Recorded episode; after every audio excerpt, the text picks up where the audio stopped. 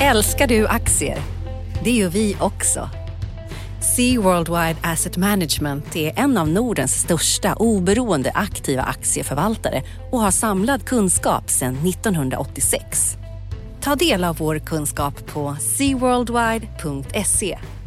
Bokstaven C, worldwide.se.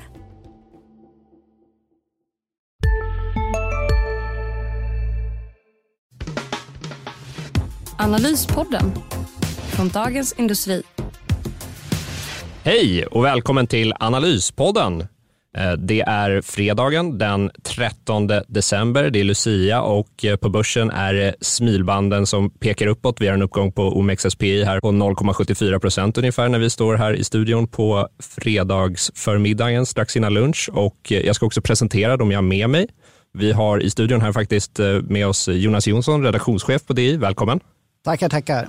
Eh, första gången tror jag du är med i Analyspodden här. Debut. Nej, jag och Ulf har pratat förr med varandra i Analyspodden. Någon regnig sommardag när det inte fanns andra som kunde vara med. Aha, okej, okay, ja, men bra. Det är inte debut. Och då ska vi också presentera den tredje medlemmen. Vi har faktiskt en trojka på plats idag. Vi har Ulf Pettersson med oss på, eh, ner från Kalmar på länk. Välkommen Uffe. Tack ska ni ha. Tack ska ni ha. Ja, och det, saknas ju inte, det saknas ju inte grejer att prata om, eller hur? Vi har haft en eh, väldigt händelserik vecka. Vi har börsrekord, vi har haft Trump som har tecknat ett handelsavtal med Kina, vi har Fed som har, och ECB som har lämnat räntorna oförändrade. Eh, och eh, ja, det mesta ser rätt bra ut på börsen, eller hur? Vad säger du för? Ja, eh, nämnde du parlamentsvalet också som är i Storbritannien här som är också en väldigt stor grej och det, det besked som vi fick i, i natt här morse när, när Boris Johnson vann en övertygande seger. Det har varit en, en, en, en väldigt händelserik vecka och det här 13 december är ju inget otus inget otursnummer för börsen eftersom den slår rekord idag med en uppgång på nästan en, en procent här innan, innan lunch. Nej, det har varit, och det här är ju, det här är ju en del frågetecken som rätas ut nu, eh, i alla fall temporärt, som har stört börsen och som har påverkat börsen hela året och ibland orsakat mindre kursfall också. Jag tänker på USA och Kina och även, eh, även eh, Brexitförhandlingarna som har varit stökiga. Så det är, förhoppningsvis kan vi gå till julledighet med lite med lite eh, lugnare hjärtslag framöver. Eh, börsen i alla fall är på väldigt gott humör. Ja, och jag tänker att eh, så som händelserna har utfallit här nu, det är lite best case scenario som har blivit för börsen här. Vi har liksom oförändrade räntor och vi har en eh, Federal Reserve som har blivit väldigt duvaktig här och svängt. Eh, ja, det har ju pågått under en längre tid, men nu är det verkligen cementerat att de, de kommer ha räntorna eh, oförändrade eller sänka dem ytterligare i nuläget. Så att Samtidigt som vi inte har fått någon liksom recession i världen, utan ja, det har taktat ner lite och framförallt är det fordonsindustrin då, som går krackigt.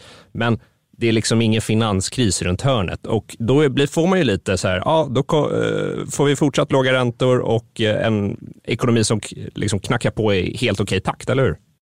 Ja, det är, det är den bästa av världar för de som har haft pengar att investera och det spelar egentligen ingen roll vad man har investerat. Har man investerat i svenska aktier har man fått 25-27 procent. Amerikanska aktier har man fått 25-27 procent plus eh, en, eh, kron, eh, en dollarförstärkning. Den är inte så stor nu för kronan har stärkts här lite grann sista tiden, men det är ett par, tre procent i år. Och även i asiatiska marknader har gått bra. Och tar du de som har liksom valt bort börsen så har ju obligationspriserna stigit eftersom räntan har fallit kraftigt och huspriserna har vaknat till liv här. Så det har varit ett fantastiskt år för kapitalplaceringar.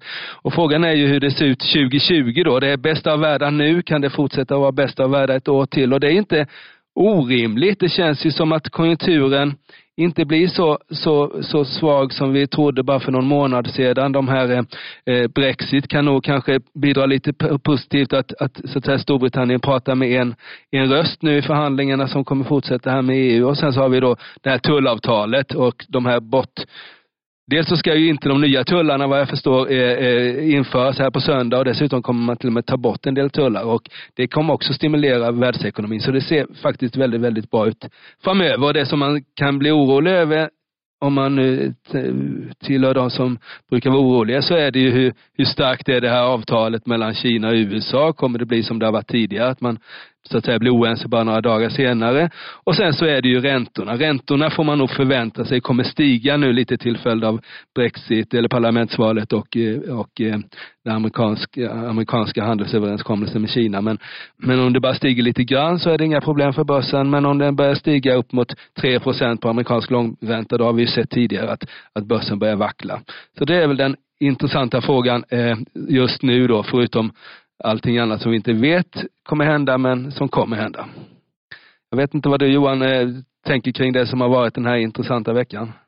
Jo, men absolut. Och sen så nu då med Brexit då, som du varit inne på. Nu är det ju klart att Storbritannien lämnar EU, eh, men det är liksom inte klart klart vad som händer sen om man säger så. Eh, jag har ju stått här med våra eminenta kollegor som bevakar den här frågan och fått det här utrett här under förmiddagen och morgonen på fredagen här och nu, som sagt, det är klart att eh, Storbritannien lämnar EU, men det är ju långt ifrån klart vad man får för handelsavtal sen. Och det är ju det som är det viktiga för företagen och eh, vad de ska göra efteråt. Därför att Eh, Eh, och, och, Det finns ett grundläggande problem kvar för Storbritannien att, eh, att eh, deras politiker har lovat för mycket än vad de kan leverera. De har lovat att vi ska inte ha någon invandring i princip och vi ska få ha till, hel tillgång till liksom, den fria marknaden.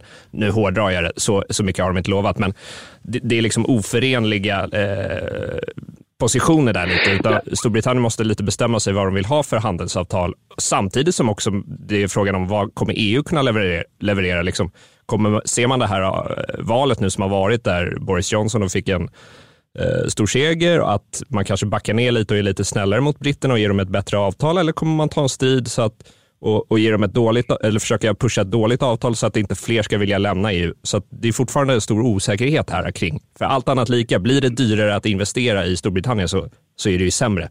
Så är det ju bara.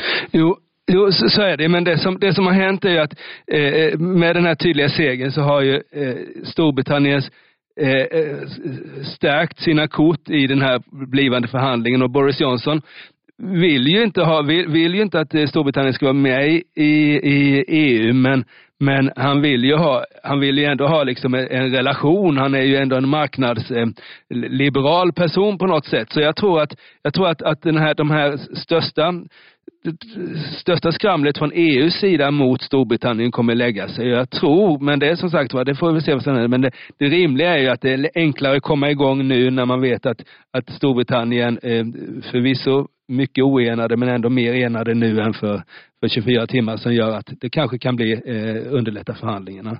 Sen har vi nästan inte pratat om, det blir väldigt så här mycket sista natten för den var nästan exceptionell då, men, men vi dagen innan där hade vi faktiskt ett ECB ECB-räntebeslut eller på, på, på eh, lunchtid igår och eh, eh, på onsdagen hade vi ju eh, Fed också. Jag vet inte vad du, vad du tänkte kring det där Johan?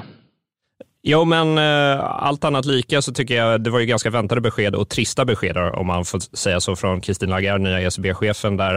Eh, så det kanske man inte ska dra några större slutsatser från. Men jag tycker att Fed där, att man säger att man ser ytterligare utrymme för arbetslösheten att sjunka och då kanske ner mot 3 procent är ju eh, en tydlig signal om att eh, räntan inte kommer höjas inom överskådlig tid. Men jag tänker vi ska släppa in eh, Jonas Jonsson här också. V vad tänker du när du har sett veckoutvecklingen här? Ja, det har ju varit en otroligt intressant vecka. Vi har, vi, har, vi har, inte hunnit prata om Ericsson än och inte om TV4 och kom hem-bråket. Det är väl därför jag är här. Men, men om man backar bandet lite grann till EU så det visst, det är tydligare besked från Storbritannien nu men man ska ändå komma ihåg lite grann hur det var innan det blev nyval och när man faktiskt förhandlade med EU. Det var ganska stökigt. Så det är en lång resa kvar för, Storbrit eller för Storbritannien och, eller, ja, för att eh, komma ur EU tror jag. Så ja, det kommer finnas väldigt mycket att skriva om även de kommande åren. Ja, vi behöver inte vara oroliga för den saken med andra ord. Men jag tänkte, du nämnde där några puckar eh, som vi ska gå vidare på. Vi kan ju börja med Ericsson kanske då. då. Mm. Det var ju dramatiskt besked här i söndags när amerikanska justitiedepartementet meddelar att eh, Ericsson får böter här för vad man har sysslat med. Mm. Eh, det började, den här härvan började väl 2007 va? Om, jag, om jag minns rätt, när Sveriges Radio rapporterade om den här saken, eller hur? Ja, det är många medier som har eh, rapporterat om de här muthistorierna i Ericsson de, de senaste tio åren egentligen.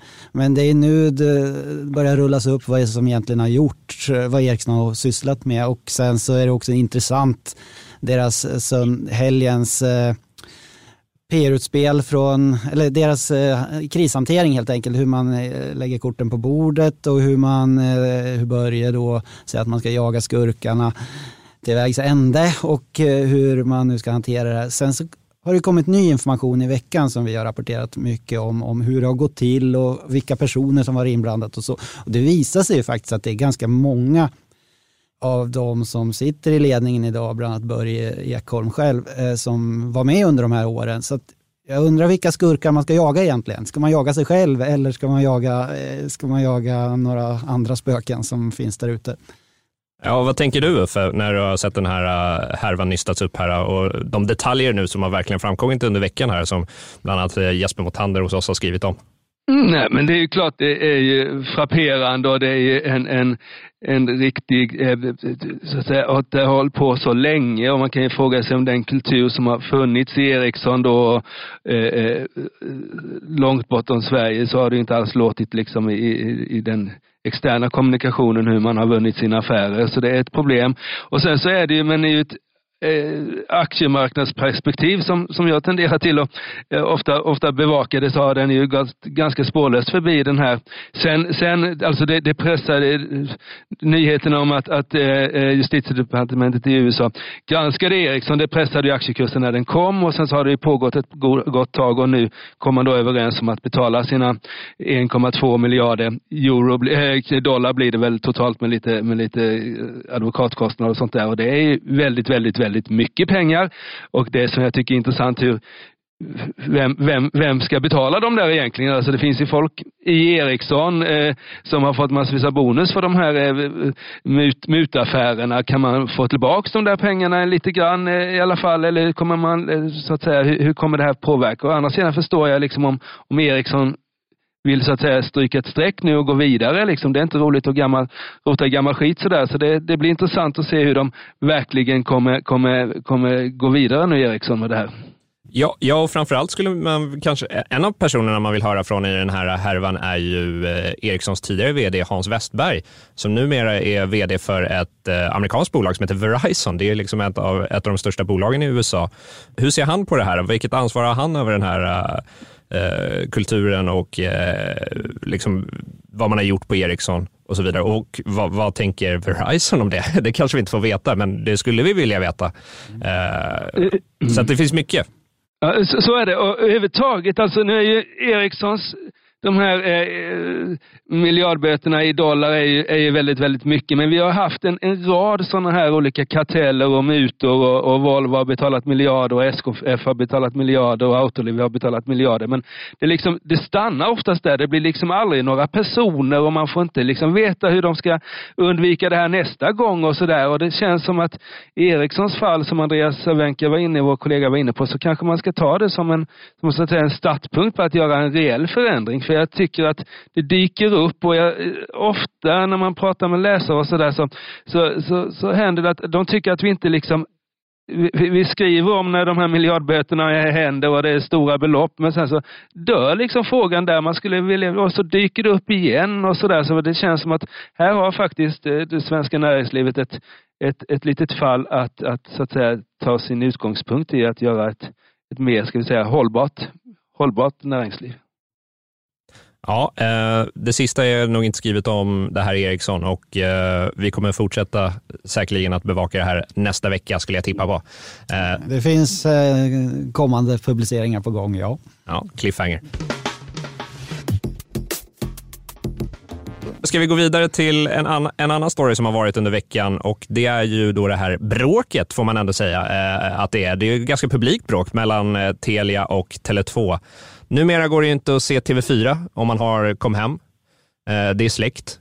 Kan du berätta Jonas, vad är, vad är bakgrunden till den här konflikten och varför har den inträffat? Ja, det är därför jag är här. Jag jobbade som mediereporter i massor med år innan jag fick mitt nya jobb.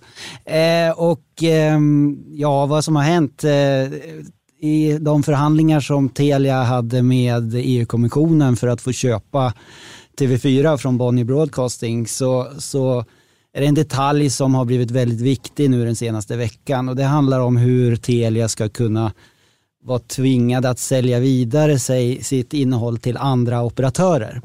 Eh, och då har man då fått in i sitt avtal att man behöver eh, sälja iväg det till minst en annan operatör. Eh, varken mer eller mindre än en. Eh, men sen kan man förstås sälja det till många fler. Och eh, nu, det handlar ju då om eh, innehåll som man så, kall, så kallad OTT-innehåll, sånt som, som man använder i sina digitala tjänster för att berika sina eh, erbjudanden i form av Telia Play eller Viaplay eller Tele2 Play om det skulle finnas. Eh, Eh, och då är då TV4 en oerhört viktig eh, handelsvara för att eh, nå ut till eh, svenska tv-tittare. Det är liksom i särklass den största tv-kanalen.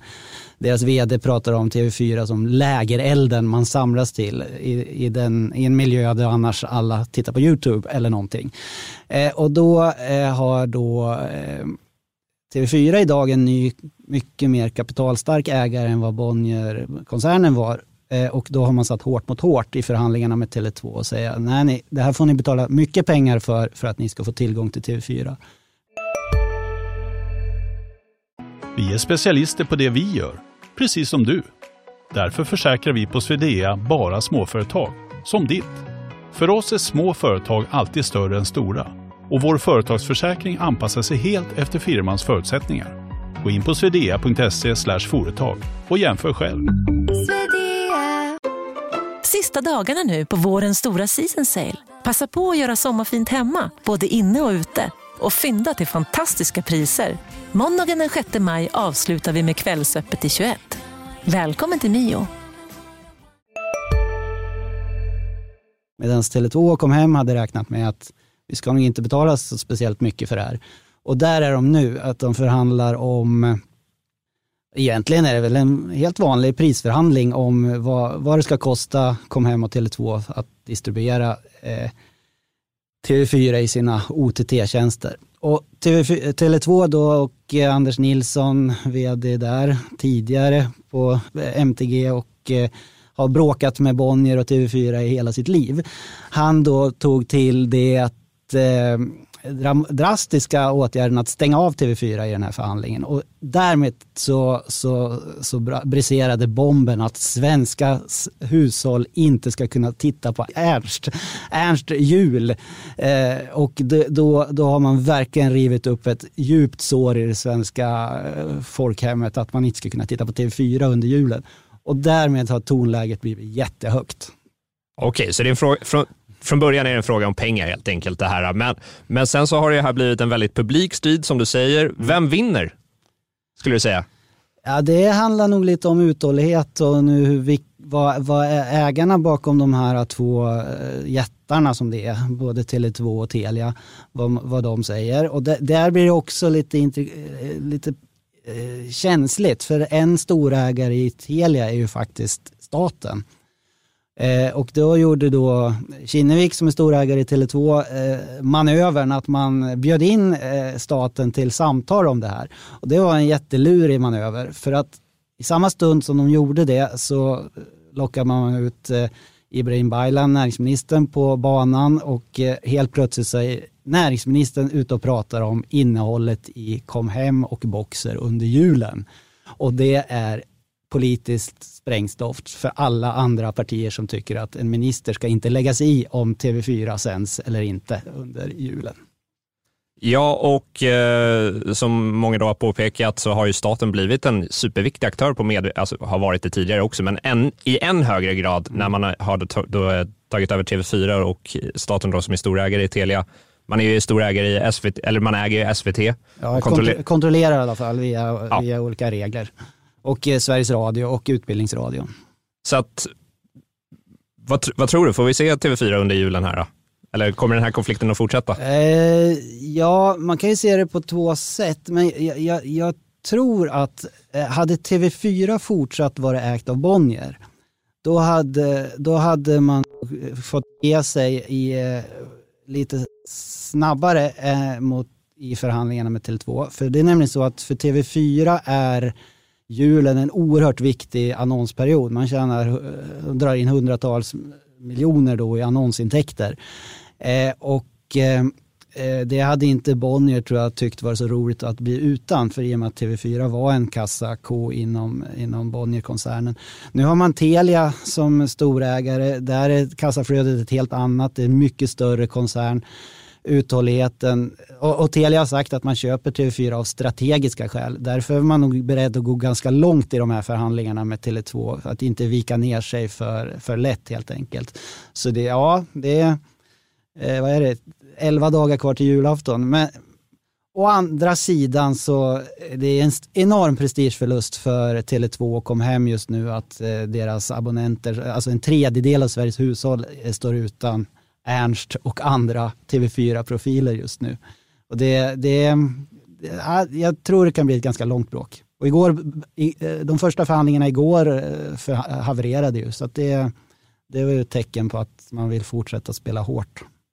Ja, Spännande. Man kan väl säga att det här sannolikt inte är den sista striden i det nya medielandskapet som vi har här i Sverige. Nej, det, och det är också, det här handlar om eh, OTT-rättigheter i grunden, men, men Snart så kommer en massa stora fotbollsrättigheter ut på marknaden. Eh, helt plötsligt står TV4 med Telias eh, pengar i ryggen. Det är klart att det kommer att smälla flera gånger mellan eh, Tele2 och eh, eh, Telia om tv. Ja, och även här kanske vi kan lämna en liten cliffhanger om vi fortsätter ju bevaka den här frågan, givetvis. Så att, eh, Absolut, ja. det här är jättespännande. Stay tuned som vi säger. Ska vi gå vidare här då, då? Jag tänkte bara nämna kort här att jag var ju faktiskt i veckan här eh, på eh, ICAs kapitalmarknadsdag ute i Solna. Eh, och eh, den inträffade då på onsdagen och förra veckan var det Axfood som arrangerade kapitalmarknadsdag. Eh, så nu var det ICAs tur och eh, man ska vara ärlig, det var inget superdramatiskt. Sådär, de gör det varje år. De, man guidade lite om att investeringarna blir lägre i år, att de blir högre nästa år och så vidare. Men eh, jag tycker ändå ICA är lite spännande där, för eh, de har ju också råkat ut för den här digitaliseringstrenden. E-handel blir allt viktigare och problemet är liksom att eh, man tjänar inte så fruktansvärt mycket pengar på e-handel. Så att eh, knepig sits för ICA och sen så har ju verkligen ICA och Axfood, om vi tittar på börsen, så har ju de blivit riktiga börsälsklingar, eller hur Uffe? Om man, man har liksom ersatt dem, man har ersatt sådana här lågavkastande obligationer och, eller negativt avkastande obligationer med ICA och Axfood-aktier och tittat på dem istället, eller hur? Ja, men så, så, är det. Alltså det som har präglat börsåret här, vi har ju haft jätterally i skogsbolagen, det vill säga att man har värderat upp skogen, för man ser det som en realtillgång som växer. Den har väl en bonitet på, på 2 procent och då är det liksom eh, oberoende av ränta och så. Likadant är det med livsmedelshandlarna. De växer eh, och växer till och med ganska bra nu för tiden. Eh, ICA har, har ökat omsättningen med knappt 4 procent i år, vilket är bra. Det beror eh, delvis på att vi blir fler i landet och att konsumtions Eh, konsumtionen är hög. Så det är jättegoda tider och de har ju fantastiska marknadsandelar som gör att, att liksom mycket av den här ökade konsumtionen hamnar, hamnar hos ICA och Axfood. Och det är ju intressant. Och sen den stora, den stora elefanten i, i rummet här är ju digitaliseringen då som för, som för ICA och det var inte att det var det du fick lyssna mycket på Johan. Det är ju hur, hur man ska liksom hantera det där och de visade ju faktiskt, du sa att det var en ointressant kapitalmarknadsdag. Då var det så tillvida att det inte kom massvis av nya finansiella mål eller så men jag tyckte det var lite intressant information det här 10 procent av vad var det Johan? 10 procent av eh, handeln i Hornsberg som är ett nytt, nytt eh, Lind, Lindhagen. Nybyggt.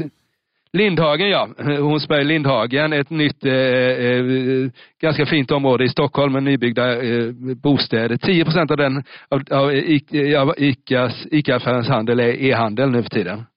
Ja, ja, exakt. Och det var ju då en siffra som den handlaren, han intervjuades där via någon film, han bjussade på den siffran. Så det var en intressant siffra. Och sen en annan lite siffra, en intressant siffra som säger någonting om vår samtid är att ICAs veganprodukter, försäljningen är upp med över 100 procent i år.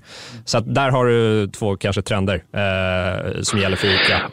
Ja, och tar man den, den stora, ja, vegantrenden är jättestor, den tror jag kommer fortsätta. Eh, det är bara liksom, det där är ju, det är bara att titta på demografin, hur många, hur många ungdomar som är veganer och hur många äldre som är veganer och vad som kommer hända när de äldre dör och de yngre blir, blir fler. Eh, men, men om vi tar e-handeln så är det där en jätteintressant fråga för, för idag är det en riktig förlustaffär. Alltså det, det enda som e-handeln idag innebär för ICA det är ju dubbla kostnader. Det är inte nog med att man ska ha sina butiker öppna, man ska liksom springa omkring i dem och liksom eh, skicka iväg varor till folk och det där måste effektiviseras och sen tror jag att man måste börja ta betalt på ett annat sätt för den tjänst man bedriver och det är ju ett sånt här chicken race som, som alla går igenom när en marknad utvecklas att det blir eh, väldigt hård konkurrens och eh, eh, man tar inte så hårt på att kostnaderna ökar men sen så måste det vridas om. Man ser ju i kläd-e-handeln nu hur, hur eh, en del klädhandlare börjar ta betalt för frakten och jag antar att man kommer se det också hos ICA och Axfood för att de ska få lönsamhet i de här miljardinvesteringarna som de gör nu i e-handel. En intressant aspekt av, eh, om vi knyter an till TV4, att det står stilla i en tredjedel av svenska hushållen, det är att eh, ICA är ju en av Sveriges största annonsörer. Och eh, tänk om man missar då möjligheten att eh, marknadsföra sig mot en tredjedel av då, Sveriges eh, hushåll under julhandeln när all julmat ska handlas in och, och så. Det blir ingen, han heter inte ICA-Stig längre, men eh, det, frågan om, tror du Ulf att det är någonting som kan märkas?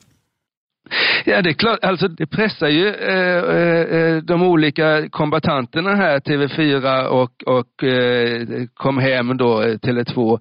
Eh, så det gör, för det är ju ingen, ingen, det är ingen som vill ha en släckt TV-ruta, allra minst som du var inne på ICA här. Men, men som sagt var, i det här vem som drar längsta strået, den som är beredd att hålla ut längst, det tror jag ändå är TV4 även om, även om det är så att säga, eh, även om ICA kommer ringa TV4 här. För de har, som du var inne på, de har mycket mer pengar än när TV4 ägdes av Bonnier. De har dessutom en distributionskanal genom, genom att de är en teleoperatör. Det var ju aldrig Bonnier, så Bonnier hade liksom inga valmöjligheter. Men, men här har ju alltså, det är ju inte, det vore ju inte dumt för Telia om de lyckas släcka liksom hela kom hem. Eh, eh, det, det blir en fantastisk affär. Så jag tror att de kommer vara uthålliga här. Frågan är hur, hur, hur mycket kom hem är beredda att liksom ta sina kundsamtal, för det är de som får kundsamtalen från, från tittarna medan eh, eh TV4 får kundsamtalen från, från, eh, eller, eh, från annonsörerna och det, det är vem som orkar stå emot de här kundsamtalen helt enkelt. Ja, och, och där, verkligen som du är inne på, vem får kundsamtalen? För jag såg på Aftonbladets sajt när, man, när det här bröt ut att då hade de rubriken liksom “Tittarna rasar mot kom hem”. Och redan där, så det är en tuff, det är, det är en uppförsbacke för att komma hem efter en sån rubrik. Liksom. Ja, men det är klart, det är klart att, att, att, att eh, Box och kom hem-kunder ringer ju kom hem, de ringer ju inte TV4, men däremot så ringer ju ICA TV4. ICA ringer ju inte kom hem och det är liksom den pressen som bägge de här kombatanterna är utsatta för, det är den som har minst press. Och jag upplever, jag skulle nog gissa på att TV4 med sin finansiella styrka i Telia är den som kan stå ute längst. Men det vet vi inte. Det kan hända mycket och som sagt var den här politiska dimensionen också är ju eh, jätteintressant. Man får inte glömma att, att staten nog ofrivilligt eller på något vis har tagit väldigt mycket ansvar i, i Telia här genom att byta ut styrelseordförande och det gjorde väl i alla fall indirekt att, att Johan Dennelin, vdn, också lämnade, lämnade landet eh, Och, så där. Så det, och nu är de då inne i det här igen och hur, hur det kommer eh, hanteras här 2020, eh, statens aktie i Telia är ju mycket intressant att se. Ja, det blir spännande här framöver även om det är juletider. Men eh, hörni, jag tänkte att vi ska runda av lite, men att vi först ska blicka här mot nästa vecka. Det är ju som sagt juletider, men det är faktiskt eh, en hel del händelser nästa vecka. Om eh, vi börjar med klädbonansan faktiskt som vi får. Vi får ju försäljningssiffror från H&M för det gångna kvartalet här på måndag och sen så har vi rapport från MQ på onsdag och R&B på torsdag där och allt det där är ju högintressant. Det är ju lite David och Goliat där i klädbranschen kan man väl säga. Eh, och så har vi en rapport från Navistar, eh, Volvo-konkurrent i USA. Och eh, så har vi ett litet räntebesked också, så det saknas ju inte grejer som händer, eller hur Uffe? Nej, och det saknas, och vi kan nog, man får väl nästan utgå ifrån att det kommer hända saker som inte står på agendan också. Om vi tar förra året så ändrade Fed eh, helt ränte, räntepolicy under jultid och går vi tillbaks två år så sålde Christer Gardell sina Volvo-aktier till, amerikan, eh, till kinesiska Geely. Så eh, förutom eh, agendan som jag tycker är intressant så kommer vi nog ha en del fastighetssektorn är typiskt en sån där sektor där man vill closea, closea affärer innan årsskiftet. Så, så jag tror att man ska nog eh, se till att vara vaken hela nästa vecka. Men om vi tar H&M då som inleder så att säga veckan här med sina försäljningssiffror då för tredje, senaste kvartalet så förväntar sig marknaden en, en eh, omsättningsökning på 10 procent ungefär. Eh, eh, och det ska bli intressant att se hur du klarar det. Eh, Inditex som är deras stora konkurrent i i klädvärlden kom ju med riktigt fina siffror för sitt senaste, eh, senaste tre månader här. Så det vill till att Carl-Johan Persson har, eh, har skött sig här och jag tror nog att det känns som att eh, H&M är, är noggranna med kostnaderna nu. Vi har ju rapporterat om, om eh, om olika program för att sänka kostnaderna och sådär som man inte riktigt har hört talas om tidigare i H&M. Så jag tror att de är väldigt inne på att försöka leverera fina vinstsiffror. Men de får vi inte reda på förrän sista januari faktiskt. För då, då kommer själva rapporten och det är lite märkligt i sig hur, det kan, hur de kan vilja sitta på de här siffrorna i två månader med tanke på den eh, risk för att de, för att de liksom läcker ut finns. Men försäljningssiffrorna kommer på måndag men resultatsiffrorna först 30 januari. Och, men du Johan, du har ju eh, ägnat eh, veckan, jag vet inte om vi har sett något i tidningen än, men jag vet vi har pratat om både R&B och MQ här. Det är väl i sig ganska intressanta rapporter med tanke på den händelseutveckling som har varit i de där bägge bolagen och kursraset som har varit senaste året. Ja, man kan väl sammanfatta det med att insatserna är höga både för MQ och R&B men förväntningarna är låga, i alla fall om man ser på börsen. Så att, eh, ja, de har ju, eh, framförallt R&B har ju lite kniven mot strupen, men även MQ har ju kämpigt. Alltså. Så att det blir spännande att se vad det här market-konceptet leder. Men eh, mer om det nästa vecka, tänker jag. Jag tänkte runda av lite här och eh, tacka dig Ulf Pettersson och Jonas Jonsson här för att ni var med. Tack, tack. Och innan jag skickar iväg lyssnarna tänkte jag bara uppmana er att eh, också lyssna på våra andra poddar som vi har. Vi har ju vår makropodd, Makrorådet, som leds med av eh, Viktor Munkhammar, vår kollega. Och så har vi ju faktiskt Ekonomistudion, vårt tv-program som går att få som podd. Och så har vi ju även Digitalpodden bland annat. Så det finns en hel del grejer att lyssna på. Så glöm inte bort att kika in dem med det sagt så tänkte jag väl tacka för att ni lyssnade och så får jag önska en fortsatt trevlig fredag och eh, så småningom även helg. Tack så mycket. Tack, tack. Hej. Analyspodden från Dagens Industri. Programmet redigerades av Umami Produktion. Ansvarig utgivare Peter Fellman.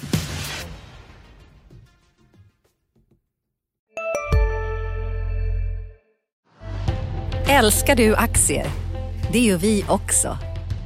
Sea Worldwide Asset Management är en av Nordens största oberoende aktiva aktieförvaltare och har samlad kunskap sedan 1986.